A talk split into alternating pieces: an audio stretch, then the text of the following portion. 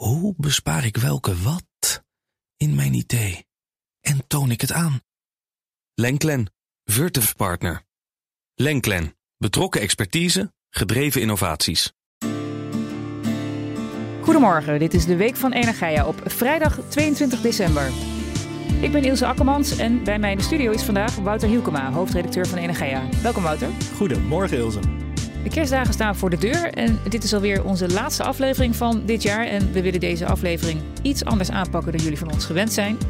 In plaats van het meest in het oog springende nieuws van de afgelopen week te bespreken, gaan we het hebben over de hoogtepunten van het afgelopen jaar en de voornaamste ontwikkelingen. En dat allemaal op energiegebied natuurlijk. Ja, Wouter, we houden ons heel wat op de hals, want er is in een jaar natuurlijk ontzettend veel gebeurd op energiegebied. Ja, ja het was uh, natuurlijk weer een heel vol jaar. Veel energienieuws. Ontzettend leuke verhalen geschreven. Maar uh, ja, het leek me toch erg leuk om zo uh, op, op 22 december een soort jaaroverzicht te doen. We gaan het gewoon proberen. Dus ik, ik kom wel meteen even met een disclaimer. Want het is geen volledig overzicht. Anders zou het wel een hele lange aflevering worden. En wellicht er onderwerpen en ontwikkelingen uit die ons het meest zijn bijgebleven. En daarmee wordt het al een wat langere aflevering dan jullie van ons gewend zijn. We hadden dit jaar natuurlijk nog een groen kabinet eh, dat vol heeft ingezet op stappen richting klimaatneutraliteit. Er verschenen allerlei plannen, rapporten en verkenningen. En de afkortingen vlogen ons erbij om de oren. Ik denk dan aan het grote NPE, het Nationaal Plan Energiesysteem, de jaarlijkse KEF, Klimaat- en Energieverkenning en de integrale infrastructuurverkenning 2030 2050. Ja, de II 3050. Uh, ik wil zeggen, daar, daar was ook een afkorting van. Hè? Ja. ja. en niet te vergeten de energiewet. Ja, en die was ik ook. Ja, ja het was uh, zeker afgelopen voorjaar. Uh, vlogen de rapporten en, en uh, studies ons om de oren. ook veel heel uitgebreide kamerbrieven. Ik denk dat het, met name voor onze andere podcast, Footnote, hè, waarin uh, uh, klimaat- en energierapporten onder de loep genomen worden, die, uh, die, die, hadden een, een, keur aan keuze om, om te behandelen. Het was, het was echt een tijdje, was het echt, echt heel fors. Ja, als er veel keuze is, dan worden de keuzes alleen maar moeilijker natuurlijk. Ja, ja. Maar al die rapporten laten dus wel de contouren zien waarbinnen de energietransitie plaatsvindt. Ja, laten we er eens even eentje pakken. De energiewet bijvoorbeeld, dat is een hele belangrijke. En volgens de missionair minister Jette is de wet een stevig wettelijk fundament voor de energietransitie. Uh, aan die wet wordt al sinds 2010 gewerkt en nu ligt er uh, het wetsvoorstel eindelijk ter beoordeling bij de Tweede Kamer. Maar dat had nog wel even wat voeten in aarde, ja, Wouter. Ja, ja, het duurt niet voor niks sinds, uh, sinds 2010. Hè, toen voor de luisteraar die dat nog weet, toen ging het over het wetspakket Stroom. Wat uiteindelijk in 2015 in de Eerste Kamer is gesneuveld. Uh, daar zal ik nu niet heel diep op ingaan. Maar in februari van dit jaar kwam een, uh, kwam een kritisch advies op, van de Raad van State op deze wet. Hè. De energiewet, dat is, we hebben nu separaat een elektriciteitswet en een gaswet. En al heel lang bestaat de wens om die samen te nemen in één grote energiewet. Um, maar eigenlijk zei de Raad van State dit jaar van ja, dat is helemaal geen goed idee. De Raad van State ziet geen meerwaarde in die samenvoeging. En zegt van ja, als je al die zaken met elkaar combineert, dan wordt het, nou, dat zijn mijn woorden, niet eraan te staten, maar wordt het een beetje een ratje toe. En uh, ja, dan is het een wet met vele gezichten en dat, uh, dat kan juist heel nadelig uitpakken. Um, nou, minister Jette heeft gezegd van uh, interessant advies, maar ik leg dat toch maar naast me neer. Ik ga gewoon door met de, met de energiewet. Um, He, uh, hij vindt het heel belangrijk dat dit nu eindelijk in de, in de parlementaire behandeling uh, uh, behandeld wordt. Mm. Um, want ja, het is, die energiewet, het moet toch het fundament worden voor de energietransitie. Hè? De energietransitie zorgt dat er heel veel verandert in, in, in de energiewereld, in het ja. energieland. En daar moet, moet, moet de wet gewoon bij blijven. Ja. dus het gaat met name over een toekomstgericht systeembeheer, zoals dat zo mooi genoemd wordt. Systeem, dat is het nieuwe woord voor netbe netbeheer, systeembeheer. Uh, versterking van de positie van de consument en data-uitwisseling. Dat zijn de belangrijkste pijlers van die energiewet. Ja, een juridische basis dus voor de energietransitie en ook de pijlers waarop het Nationaal Plan Energiesysteem wordt gebouwd. Wat me daarvan is bijgebleven is dat energie besparen in de definitieve versie van dat plan even belangrijk is als de inzet op het opwekken van duurzame energie. Ja, ja, dat Nationaal Plan Energiesysteem is natuurlijk een hele belangrijke. Kan absoluut niet ontbreken in dit overzicht. Um, deze zomer kwam de conceptversie naar buiten.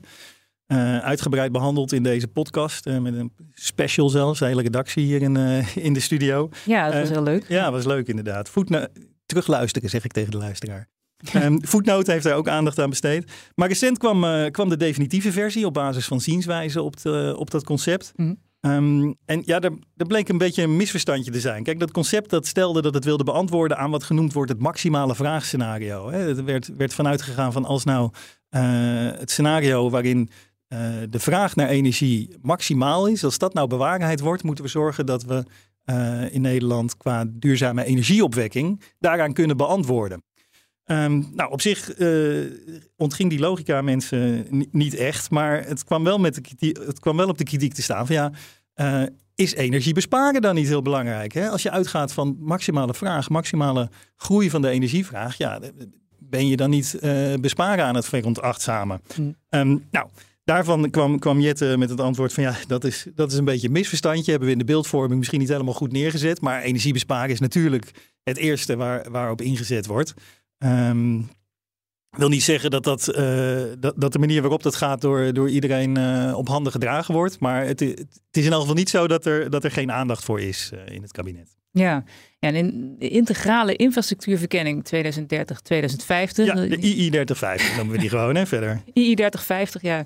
Ik raak daar altijd van in de war van zo'n afkorting. Daar staat dat een klimaatneutraal Nederland in 2050 haalbaar is, maar nog wel wat voeten in aarde heeft. En in de jaarlijkse klimaat- en energieverkenning, de KEF, concludeert het Planbureau voor de Leefomgeving dat het halen van klimaatdoelen met veel onzekerheid is omgeven. Nederland moet alle zeilen bijzetten om in 2030 op een CO2-reductie van 55% uit te komen. Weet jij nog waar dat mee te maken heeft?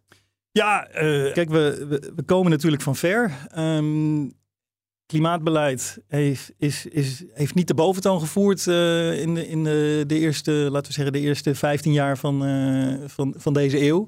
Uh, pas sinds het uh, klimaatakkoord van Parijs eigenlijk wordt het in Nederland ook echt daadwerkelijk serieus genomen.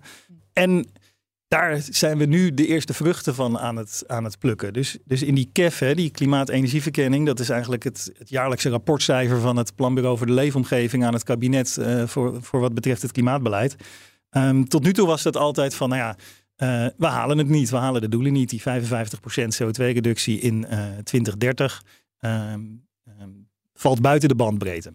Nou, dit jaar werd er voor het eerst door het PBL geconstateerd dat het binnen de bandbreedte valt. Hm. Wel helemaal onderaan de bandbreedte, dus daarom geven ze de toevoeging: alles moet meezitten, willen we het ook halen. Ja. Maar ja, het, het klinkt dus heel negatief. Hè? Het is een mager zesje, maar het is, het is ten opzichte van de voorgaande jaren is het wel echt een, uh, een stap vooruit. Het lastige daarbij is dat daar uh, alles wat mee moet zitten, zijn ook een aantal dingen waar je geen invloed op hebt.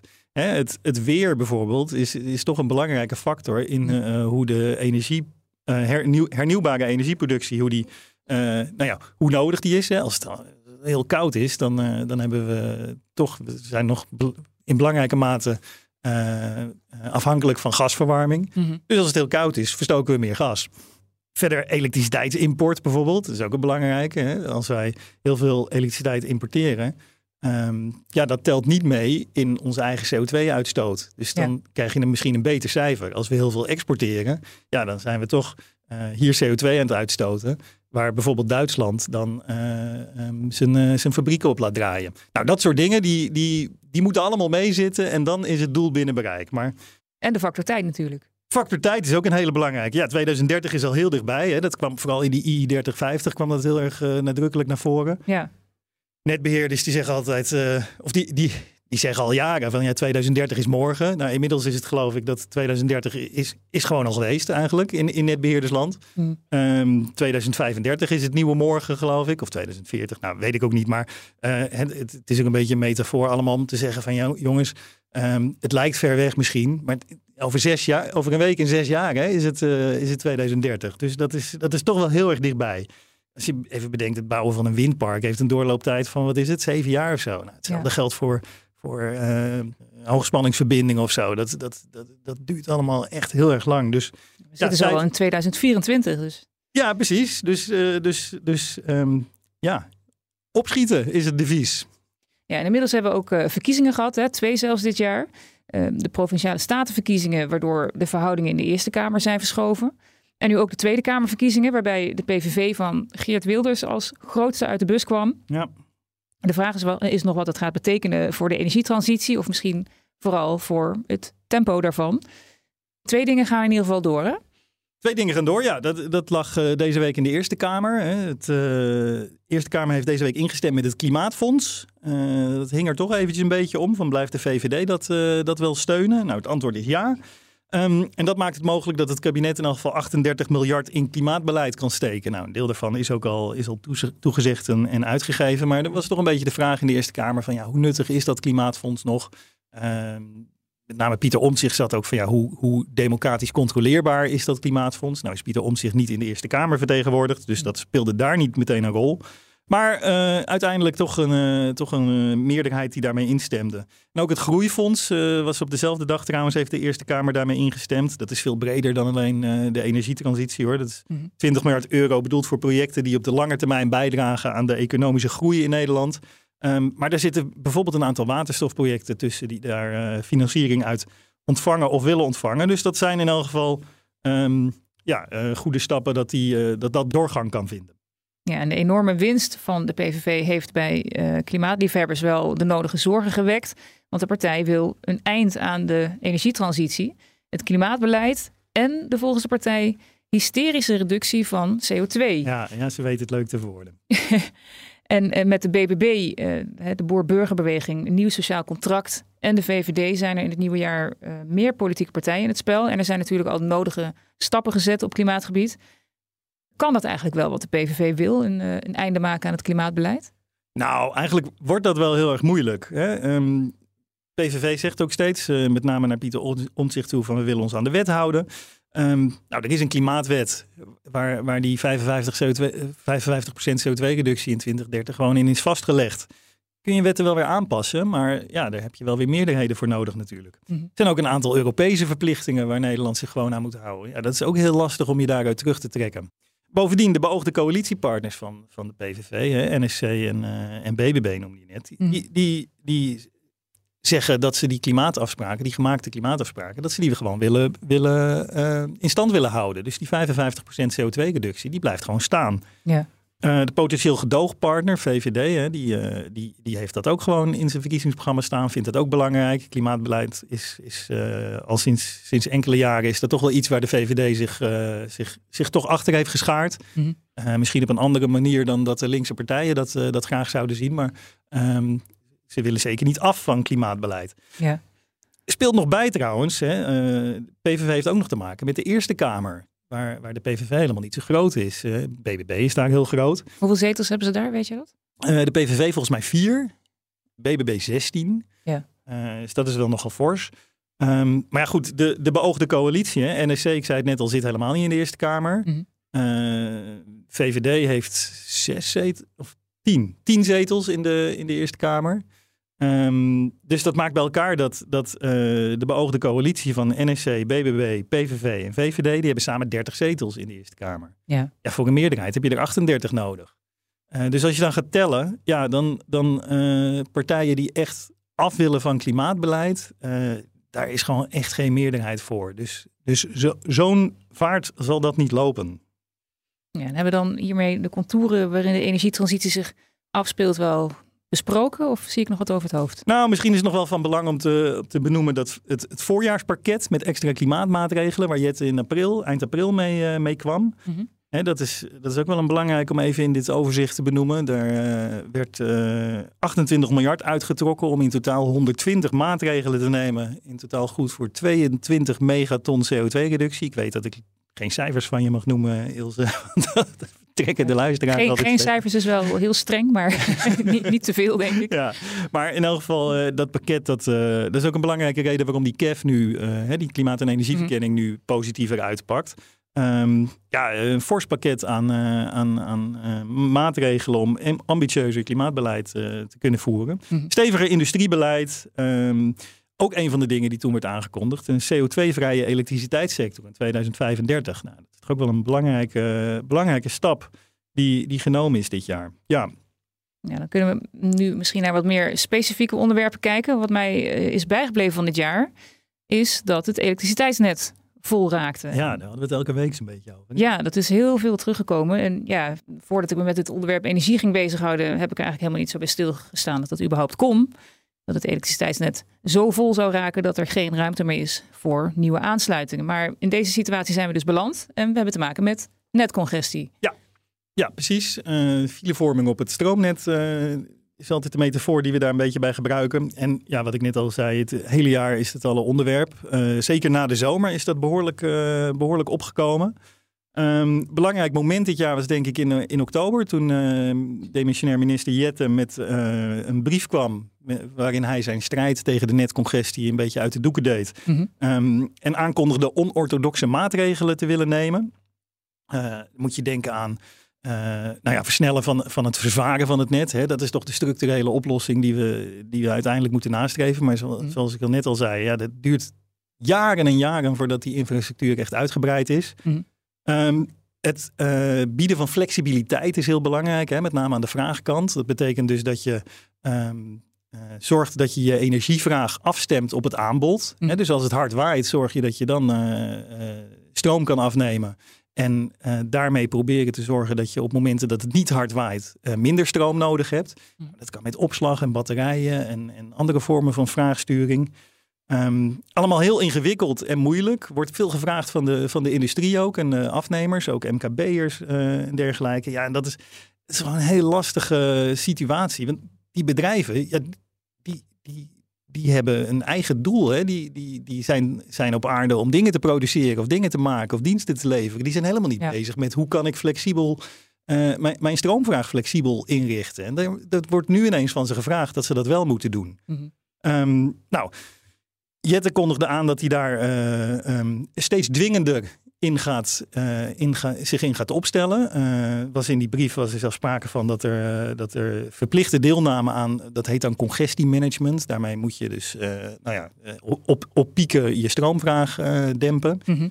um, en dat begint, begint enigszins soepel, dat je uh, de manier waarop je dat zou kunnen doen als bedrijf in kaart moet gaan brengen. En daar ook uh, zelf een prijs op plakken. Hè? Wat, wat zou het mij kosten om dat te doen en welke, wat voor vergoeding wil ik dan? Ja. Maar als dat allemaal onvoldoende oplevert, dan zegt Jette van ja, dan, dan ga ik eigenlijk uh, er naartoe dat je daar verplicht aan meedoet tegen een standaard vergoeding. Mm -hmm. nou, dat is iets waar, waar het bedrijfsleven zich, zich niet in kan vinden. Uh, spraken eerder dit jaar met, met bijvoorbeeld Hans Kuhnveld van Femway, die daar even fel op tegen is. Die zegt, ja, de netbeheerders zijn hun problemen die ze zelf gecreëerd hebben op ons aan het afwentelen. Hm. Dat is misschien ook een beetje iets te sterk aangezet. Maar daar, ja, daar, daar is nog veel overleg voor nodig. Gaan we het volgend jaar gaan we het daar uitgebreid uh, nog steeds heel veel vaker over hebben. Ongetwijfeld. Netcongestie heeft dus uh, voor een groot deel te maken met de vragen. Vanuit de industrie ook uh, is een grote vraag. En, en ook met de beschikbare infrastructuur. En het klaarmaken van de infrastructuur voor de energietransitie is misschien wel een van de grootste uitdagingen waar we nu voor staan. En ook op dat gebied werden dit jaar stappen gezet. Ja, ja die II-3050, hè, de, uh, die hebben we net al genoemd. Maar er zijn, zijn meer dingen. Hè. De, de, een van de dingen waar, die veel aan de orde is geweest, ook in de berichtgeving van Energia, is, is de, de MIEK. Uh, ook weer zo'n mooie afkorting, staat voor Meerjarenprogramma Infrastructuur, Energie en Klimaat. Uh, we hebben landelijke mix en provinciale mix, de P-MIEK. Helemaal geweldig. Had we um, ook nog ehm, over gehad in de podcast. Ja, zeker. Ja. ja, waar hebben we het dan over? Nou, als je, landelijk heb je het over projecten van uh, aanlandingen van windparken op zee, uh, importterminals voor waterstof, hè, bijvoorbeeld in Rotterdam. Uh, of ook in het, in het Noordzeekanaalgebied. Um, CO2-opslagproject Aramis is een belangrijke die, die daaronder valt. het blauwe waterstofproject H-Vision. Blauwe waterstof is als je waterstof uit aardgas maakt en dan de CO2 die erbij vrijkomt uh, opslaat. Mhm. Dat, dat, uh, de, het, het identificeren van, van de knelpunten en het aanwijzen van de, van de cruciale infrastructuur, dat zijn stappen die, die echt dit jaar gemaakt zijn. Um, ook een belangrijke, de start van de aanleg van de waterstofbackbone. Hè. Onder toeziend oog van de koning is dat gebeurd. Ja. Nou ja, dat is, dat is ook iets, uh, een infrastructuur die, die uh, ja, met het oog op de toekomst heel erg belangrijk gaat worden waarschijnlijk. Ja. Um, ehm, ACM had toevallig deze week nog een belangrijke notitie over eh, de aanleg van de waterstofinfrastructuur. Die kan wat de ACM betreft snel van start in de industrieclusters. Ja, want kennis over de plannen van de industrie en een toereikende infrastructuur dus is ook van belang voor de sector. Windenergie. En die sector, en dat is een beetje een flauwe woordspeling, die heeft dit jaar te maken met de nodige tegenwind. En ik vond dat een verrassende ontwikkeling, aangezien zo groot wordt ingezet op windenergie, vooral windparken op zee. Mede tegen de achtergrond van de geopolitieke ontwikkelingen. Ja, ja, het is, het is eigenlijk heel bijzonder. Er, is ongelooflijk veel windenergie nodig. Eh, in Nederland zijn we toe aan het bouwen naar 21 gigawatt in 2030. Uh, als je naar Europa kijkt, die wil 120 gigawatt uh, windenergie offshore hebben staan in de Noordzee. Mm -hmm. Nou ja, dat, is, dat zijn enorme aantallen. Um, ja, als je kijkt, er was, er was deze week toevallig, werd, er, werd er uh, ja, feest gevierd, gaat wat ver, maar uh, er werd even stilgestaan bij het feit dat de routekaart wind op zee, hè, die in 2013 is ingezet in Nederland, mm. uh, dat die nu tien jaar later succesvol tot een eind is gebracht. Um, binnen, binnen de tijdsplanning en ook binnen budget gebleven. Um, dat we nu 4,5 gigawatt wind op zee hebben staan. Um, om in 2030 naar die 21 gigawatt te gaan, moet er dus nog, uh, nog uh, ruim 16 gigawatt bij in, in de resterende zes jaar. Um, nou ja, het, is al bekend, het wordt 2031. Hè. Er zijn, zijn, wat, uh, zijn wat obstakels. Maar hè, de, de, versnelling die, die er nog moet komen, die is enorm. Um, nou ja, dus je zou denken dat de windenergie sector de wind mee heeft. om, om de, dezelfde flauwe woordspeling te blijven gebruiken. Um, maar dat, dat blijkt dus niet helemaal het geval. Het is een beetje een samenloop van omstandigheden. Hè. De inflatie hebben we, stijgende kosten. Er zijn trage vergunningsprocedures die, uh, die bezig zijn. Toenemende concurrentie uh, van buiten Europa. Ja. Die maakt dat de Europese windsector toch een beetje in de problemen zit. Um, er zijn een aantal dingen die, die ook tegenzitten. Hè. De, de, bijvoorbeeld bij de ontwikkeling van wind op zee. Uh, de windparkbouwers, die willen steeds maar de, de, de meest uh, innovatieve windturbine neerzetten. Hè? De, me de, meest grote bedoel ik eigenlijk vooral. Dus, ja. uh, dan heb ze worden steeds groter. Ze worden steeds ja. groter, wat op zich iets heel moois is. Maar als, als windturbinebouwer, ja, dan heb je eentje van 15 gigawatt of megawatt ontworpen. Mm -hmm. En je concurrent, concurrent maakt er eentje van 16 megawatt. Ja, dan word jij geacht daar ook wel weer in mee te gaan. Dus de windparkbouwers krijgen niet de de, de tijd eigenlijk om in innovatie en in een ontwikkeling uh, in, een, in een product terug te verdienen eigenlijk. Ze worden gelijk aangespoord om weer door te innoveren. En dat is iets wat, uh, ja, wat, wat um, lastig is voor ze. En daar komt bij, hè, we hadden het net over de industrie, um, dat, kijk, de industrie moet verduurzamen. Dat gebeurt vooral door elektrificatie. En uh, die elektrificatie vraagt dus weer om heel veel groene stroom. Dus dat lijkt ook een ABC'tje. Van ja, de industrie wil heel graag groene stroom afnemen. Dus ga die windparken maar bouwen. Mm -hmm. Maar je ziet toch een zekere terughoudendheid bij de industrie. Bijvoorbeeld vanwege die congestieproblematiek waar we het net over hadden. En de andere ontwikkelingen op het gebied van infrastructuur. Om daadwerkelijk commitment af te geven dat ze die stroom gaan afnemen van die windparkbouwers. Dus die, dus die windparkbouwers die zitten een beetje van ja, zolang het niet helemaal gegarandeerd is dat ik mijn stroom kan afzetten, dat ik die goed kan verkopen tegen een prijs waar ik, mm -hmm. waar ik blij van word. Ja, uh, zijn zij ook weer terughoudend om hun windparken te gaan bouwen. Dus ja, zo houden, ze houden ze elkaar een beetje gevangen. En dat, dat maakt dat het de windindustrie in Europa in zijn algemeenheid ja, toch een beetje tegen zit. Ja, maar er gaat wat veranderen. Er komt hulp uit Europa, las ik deze week. Ja, de energieministers van 26 Europese landen hebben zich uh, uh, geschaard onder het EU-windcharter. Nou ja, daarmee commenteren ze eigenlijk zich aan, het, aan een steuntje in de rug aan de, aan de Europese windindustriesector. Mm -hmm. um, is een heel actieplan met, met allerlei maatregelen. Nou, Nederland loopt daarin ook voorop. Um, was eerder al een actieagenda, die werd door de Noordzeelanden um, ge gepresenteerd. nou, waar moet je dan aan denken? Dat zijn, dat zijn bijvoorbeeld, klinkt heel simpel, maar transparantie over je tenderplanning. He, dat landen dus vooraf duidelijkheid geven over wanneer ze uh, bepaalde uh, windenergiegebieden mm -hmm. uh, gaan aanbesteden. Zodat je daarop voor, kan voorbereiden. En door die planning bekend te maken, um, geef je ook een zeker commitment af naar de sector toe van dit gaan we echt doen. Mm -hmm. En dat is dan weer, dat hopen ze althans, een beetje die zekerheid die, die die windenergiesector zoekt, dat daadwerkelijk kunnen gaan bouwen. Ja. Ja, want die windsector die worstelt dus, maar ik krijg nu wat steun in de rug. En wat ik ook een mooie ontwikkeling vind, is dat er dit jaar meer aandacht lijkt te zijn voor het zeeleven en het algehele ecosysteem waarbinnen de sector zijn windparken aanlegt. Ja, ja, dat is, uh, dat is ook wel een ontwikkeling die, die dit jaar zich echt manifesteert. Dat er uh, ecologische maatregelen verplicht zijn bij, uh, bij de bouw van, van offshore windparken. Uh, worden hele kunstmatige riffen bij, bij geplaatst en, enzovoort. Zodat uh, ja, het, het, onderwaterleven, dat daar de biodiversiteit kan groeien. Ook geluidsnormen is ook iets waar, waar veel aandacht voor is. Hè. Dat is belangrijk voor, voor het zeeleven, zeezoogdieren die last mm -hmm. hebben van het heien uh, enzovoort.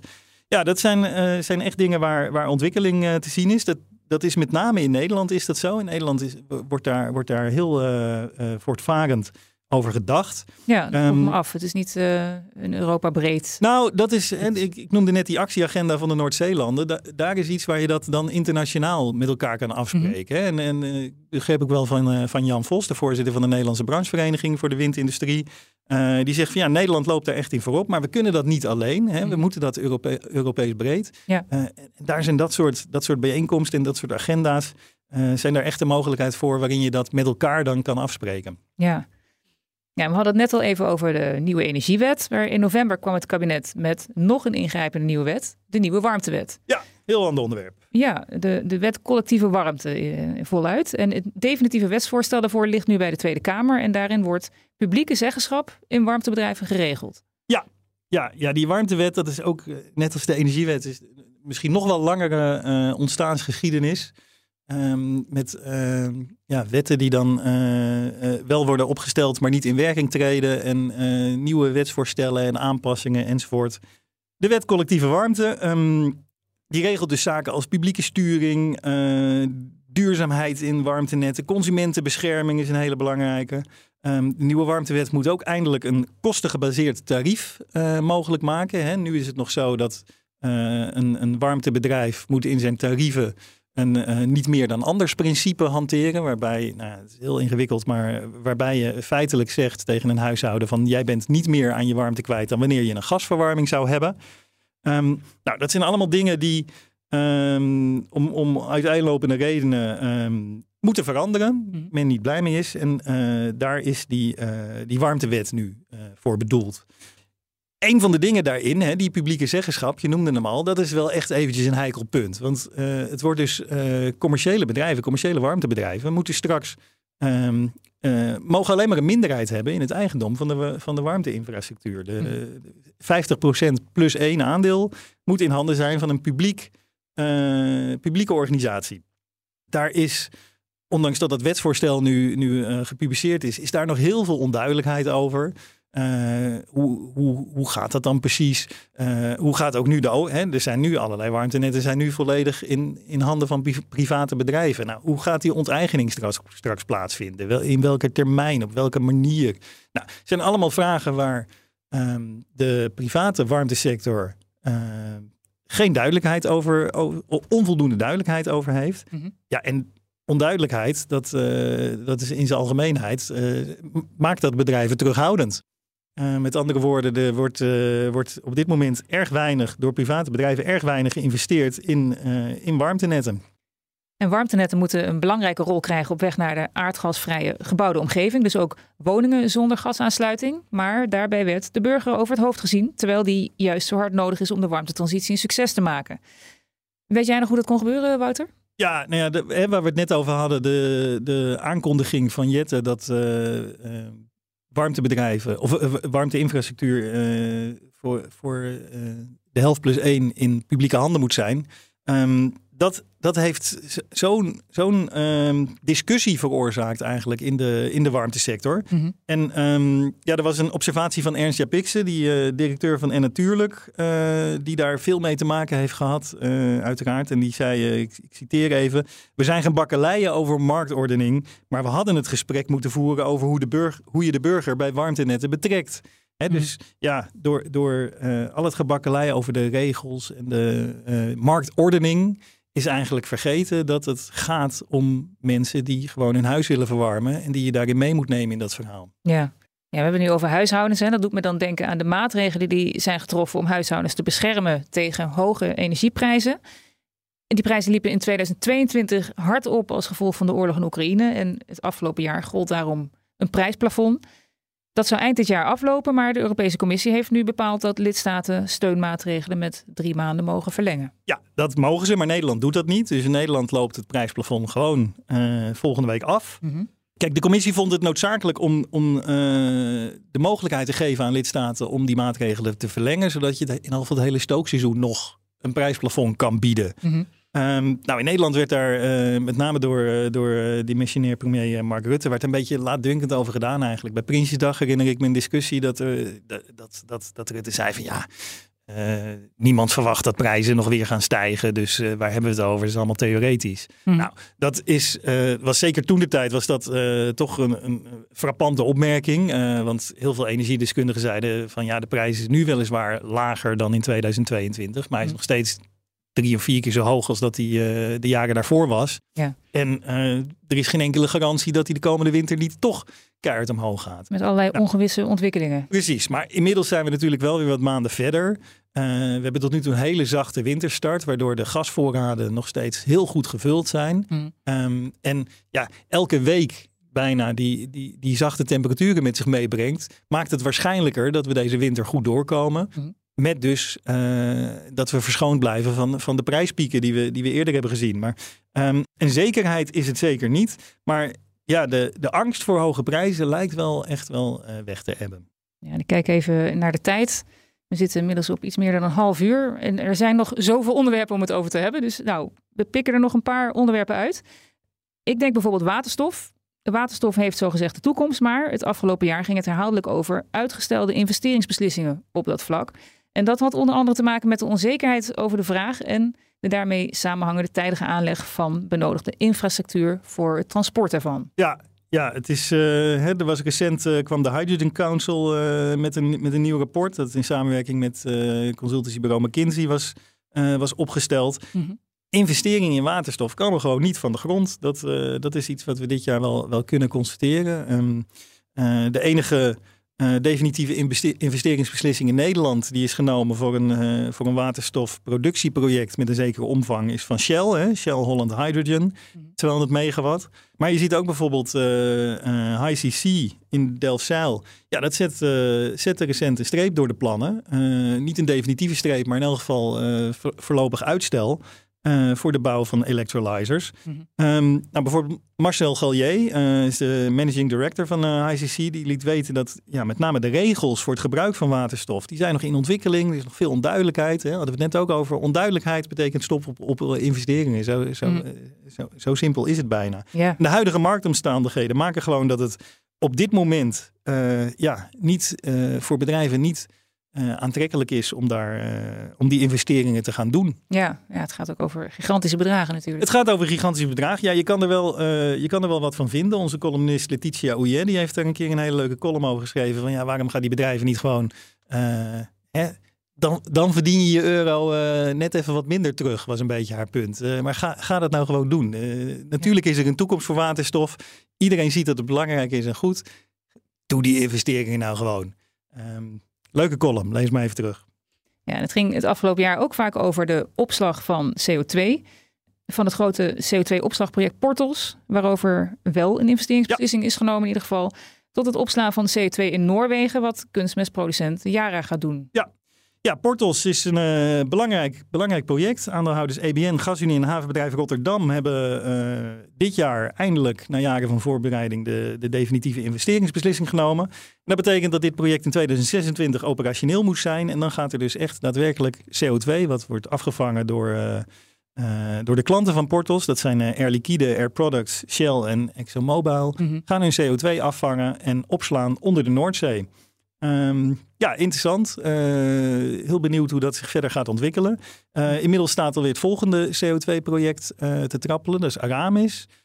Dat wordt nog veel groter dan, dan, dan Portos. Mhm. Ehm, ja, daar zijn ook de, de nodige ontwikkelingen recent ook weer. De, de feed-fase. Ik weet even niet meer waar die afkorting voor staat. Maar dat is een bepaalde stap in, de, in het ontwerpproces Blij te horen dat jij Eh. ook niet alle afkortingen uit je hoofd kent. is, is genomen. Ja. Ehm, dus daar, daar zitten we nog niet aan de, aan de investeringsbeslissing. Maar dat project eh, lijkt ook aardig op streek te zijn. Mhm. Ehm, ja, en je noemde inderdaad eh Yara. Die, die heeft dus besloten om eh, CO2 te gaan afvangen en in Noorwegen op te gaan slaan. Hè. Het, Portos zit vol en Aramis komt te laat voor Yara. Dus die Ja. zijn eh, andere oplossingen gaan zoeken. Die gaan hun CO2 afvangen.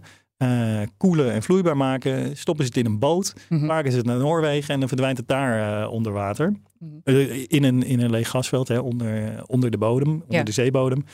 Ja, interessante ontwikkelingen. Ja, en er waren ook ontwikkelingen op het gebied van zonnepanelen, staat me van dit jaar bij. En ik vond dat mooi, het nieuws over een Nederlandse coalitie die de strijd aangaat met China in de productie van zonnepanelen. Maar inmiddels liggen de kaarten weer ongunstig, begrijp ik. En niet alleen in Nederland, maar in heel Europa. Ja, ja dat is eh, een mooie, mooie coalitie inderdaad. Eh, Een consortium Solar NL heet dat. Eh, 13 bedrijven en instellingen die inderdaad eh, de eh, productie van, van zonnepanelen eh, naar Nederland willen halen. Ehm, krijgen ook uit het groeifonds, eh, eh, hebben die geld toegezegd gekregen. Ja, dat is, oh, interessante ontwikkeling. Hè? In Mhm. Europa wi- willen die industrie ook eh, binnen Europa houden. Hè? We willen niet afhankelijk zijn van, van onduidelijke buitenlanden en dergelijke. Dus er is veel aandacht voor. Maar Ja. Ehm, toch eh, zit ook, net als die windindustrie, zit, de- zit de Europese zonnepanelenindustrie in zwaar weer. Komt ook weer door concurrentie met het buitenland, met name China, waar eh, onder invloed van staatssteun en dergelijke heel goedkoop eh, zonnepanelen wordt geproduceerd. Dus nog Hm. steeds zie je heel vaak dat, dat de prijs ja, eh, blijft, maar, blijft maar zakken, hè, de prijs voor, voor zonne-energie. Terwijl de Ja. rendementen steeds hoger worden. Ehm, maar ja, Europese fabrik- fabrikanten eh, zitten daarmee, want die kunnen hun producten eigenlijk aan de straatstenen niet kwijt als ze niet onder de kostprijs eh, ze gaan aanbieden. Want dat, dat is het prijsniveau waarmee China zit. Ja. Ehm, dus die, die vragen, hè, net als de Europese windindustrie, vragen die om hulp aan Europa. om, om, om dreigende faillissementen af te wenden. Nou, er zijn brandbrieven gestuurd enzovoort. Nou, daar, daar wordt, ehm, eh, het is wat minder ver dan, dan in de windsector, maar daar, daar is, is ook wel een luisterend oor. Eh, met name strenge importeisen worden daar, eh, worden daar van belang. Daar wordt wel heel, heel in gezocht. Ja, over de ontwikkelingen in het afgelopen jaar kunnen we nog heel lang doorpraten. We hebben het bijvoorbeeld ook nog niet gehad over salderen. Salderen, ja. Salderen, ja. Begin dit jaar stemde de Tweede Kamer voor de wetswijziging om de salderingsregeling af te schaffen. En daar zou dan een terugleververgoeding voor zonnepaneelhouders in de plaats komen. Maar het is allerminst zeker dat de Eerste Kamer, waar sinds de provinciale statenverkiezingen, zoals gezegd, eh, een andere wind waait, dat, dat de Eerste Kamer dus hierin meegaat. Ja, inderdaad. Ja, de salderen discussie. Het is een van de meest gepolariseerde discussies eh, volgens mij. eh, in elk geval op eh, X, eh, het, voormalige Twitter. eh, kunnen mensen daar heel gepassioneerd over eh, hun, hun mening over verkondigen. Het kabinet wil er vanaf. Eh, ehm, eh, het, het- de kosten voor het Rijk lopen op door gewoon mis- misgelopen belastinginkomsten. Eh, het is een oneerlijke regeling voor mensen die geen zonnepanelen hebben. En het stimu- stimuleert niet dat je je stroomverbruik afstemt op je productie. Eh, want je mag op jaarbasis mag je wat, je wat je opwekt afstrepen tegen wat je gebruikt. Dus hè, de, gelijktijdigheid, wat heel belangrijk is voor ontwikkelingen in het, eh, in het eh, elektriciteitsnet bijvoorbeeld, die wordt hiermee niet gestimuleerd. Daarom willen ze, willen ze er vanaf. Onder het mom van ja, zonnepanelen, we hadden het er net over, zijn al zo goedkoop. Deze regeling is veel te riant. Die is helemaal niet nodig om een goede terugverdientijd te hebben voor jouw zonnepanelen. Hmm. Maar goed, daar denken andere partijen denken daar anders over. Ehm, de partijen die in de Tweede Kamer voor de geleidelijke afbouw van de salderingsregeling hebben gestemd, hebben in de Eerste Kamer geen meerderheid. Ehm, waar moet die meerderheid van komen? Dat is of de BBB of GroenLinks PvdA. Eh nou, beide partijen hebben eh, in de Tweede Kamer dus tegen dit voorstel gestemd. Ja, en moeten nu eh, in de Eerste Kamer, Jette is daar druk mee bezig, gepaaid worden om, om, om hier toch voor te gaan stemmen. Ehm, nou, de meeste kans lijkt te liggen bij, bij GroenLinks PvdA. Die zijn op zich wel genegen om er tegen te stemmen, mits er voldoende geregeld wordt voor de ontwikkeling van zonnepanelen bij huurwoningen. Eh, nou ja, en daar is, eh, nou ja, er is nu een eerste schriftelijk overleg geweest. Er zitten nog niet heel veel toezeggingen in, maar da- daar eh, spitst het zich op toe om te kijken of dit, hoe dit verder gaat. Wordt volgend jaar vervolgd. Ja, we gaan afronden, Wouter. We hebben nog een paar kleine leuke weetjes voor jullie. Wil jij ermee aftrappen? Ja hoor, ik wil best aftrappen. Ehm, ik vind het wel leuk om eventjes te melden wat onze best beluisterde aflevering was dit jaar. Dat was de special over het Nationaal Plan Energiesysteem. Eh, was heel leuk, staat er met de hele redactie hier in deze studio. En eh, allemaal vanuit onze eigen portefeuilles hebben we dan een beetje eh, dat, de, dat- conceptplan eh, besproken. Eh, ja, ook heel belangrijk plan. Hè. We hebben het niet voor niks hier in, deze aflevering ook veel over gehad. Ehm, ruim 2000 luisteraars. Nou, daar ben ik, ben ik heel tevreden over. Ik, ik denk ook wel, het moet wel kunnen groeien. Hè? Als ik kijk wat voor luisteraars voetnoten trekt bijvoorbeeld, daar kan ik nog wel jaloers op zijn. Onze andere podcast. Ehm, dus eh, laten, we, laten we volgend jaar uh, uh, daarin groeien. Lijkt me een heel mooi voornemen voor ons allemaal. en in de enquête die we in de zomer hebben gehouden onder onze luisteraars, gaven jullie onze podcast gemiddeld ook een rapportcijfer van 8,4. En daar zijn we natuurlijk ontzettend gelukkig mee. Ja, echt, echt heel mooi. Heel leuk die enquête om te zien hoe, ja, hoe, niet om ons nou op de borst te kloppen, maar hoe, hoe ontzettend leuke, enthousiaste reacties over, over wat wij hier doen. Dus uh, ja, het is heel, heel, uh, heel, heel goed voor de motivatie om hiermee door te gaan. En zegt het voort ook, hè? Zeker. Ja, ja, ja het, het schept wel ook verwachtingen. Hè? We moeten wel uh, ons best doen volgend jaar om, om, om dit niveau te handhaven. En dat gaan we zeker doen, ons best. Dit was hem dan, de eindejaarsspecial van de Week van Energia... met de voornaamste ontwikkelingen in de Nederlandse energiesector in het afgelopen jaar. Op energia.nl kun je over deze ontwikkelingen alles lezen. De redactie van Energia wenst je fijne feestdagen. Mijn naam is Ilse Akkermans. Fijn dat je luisterde en tot 12 januari in het nieuwe jaar.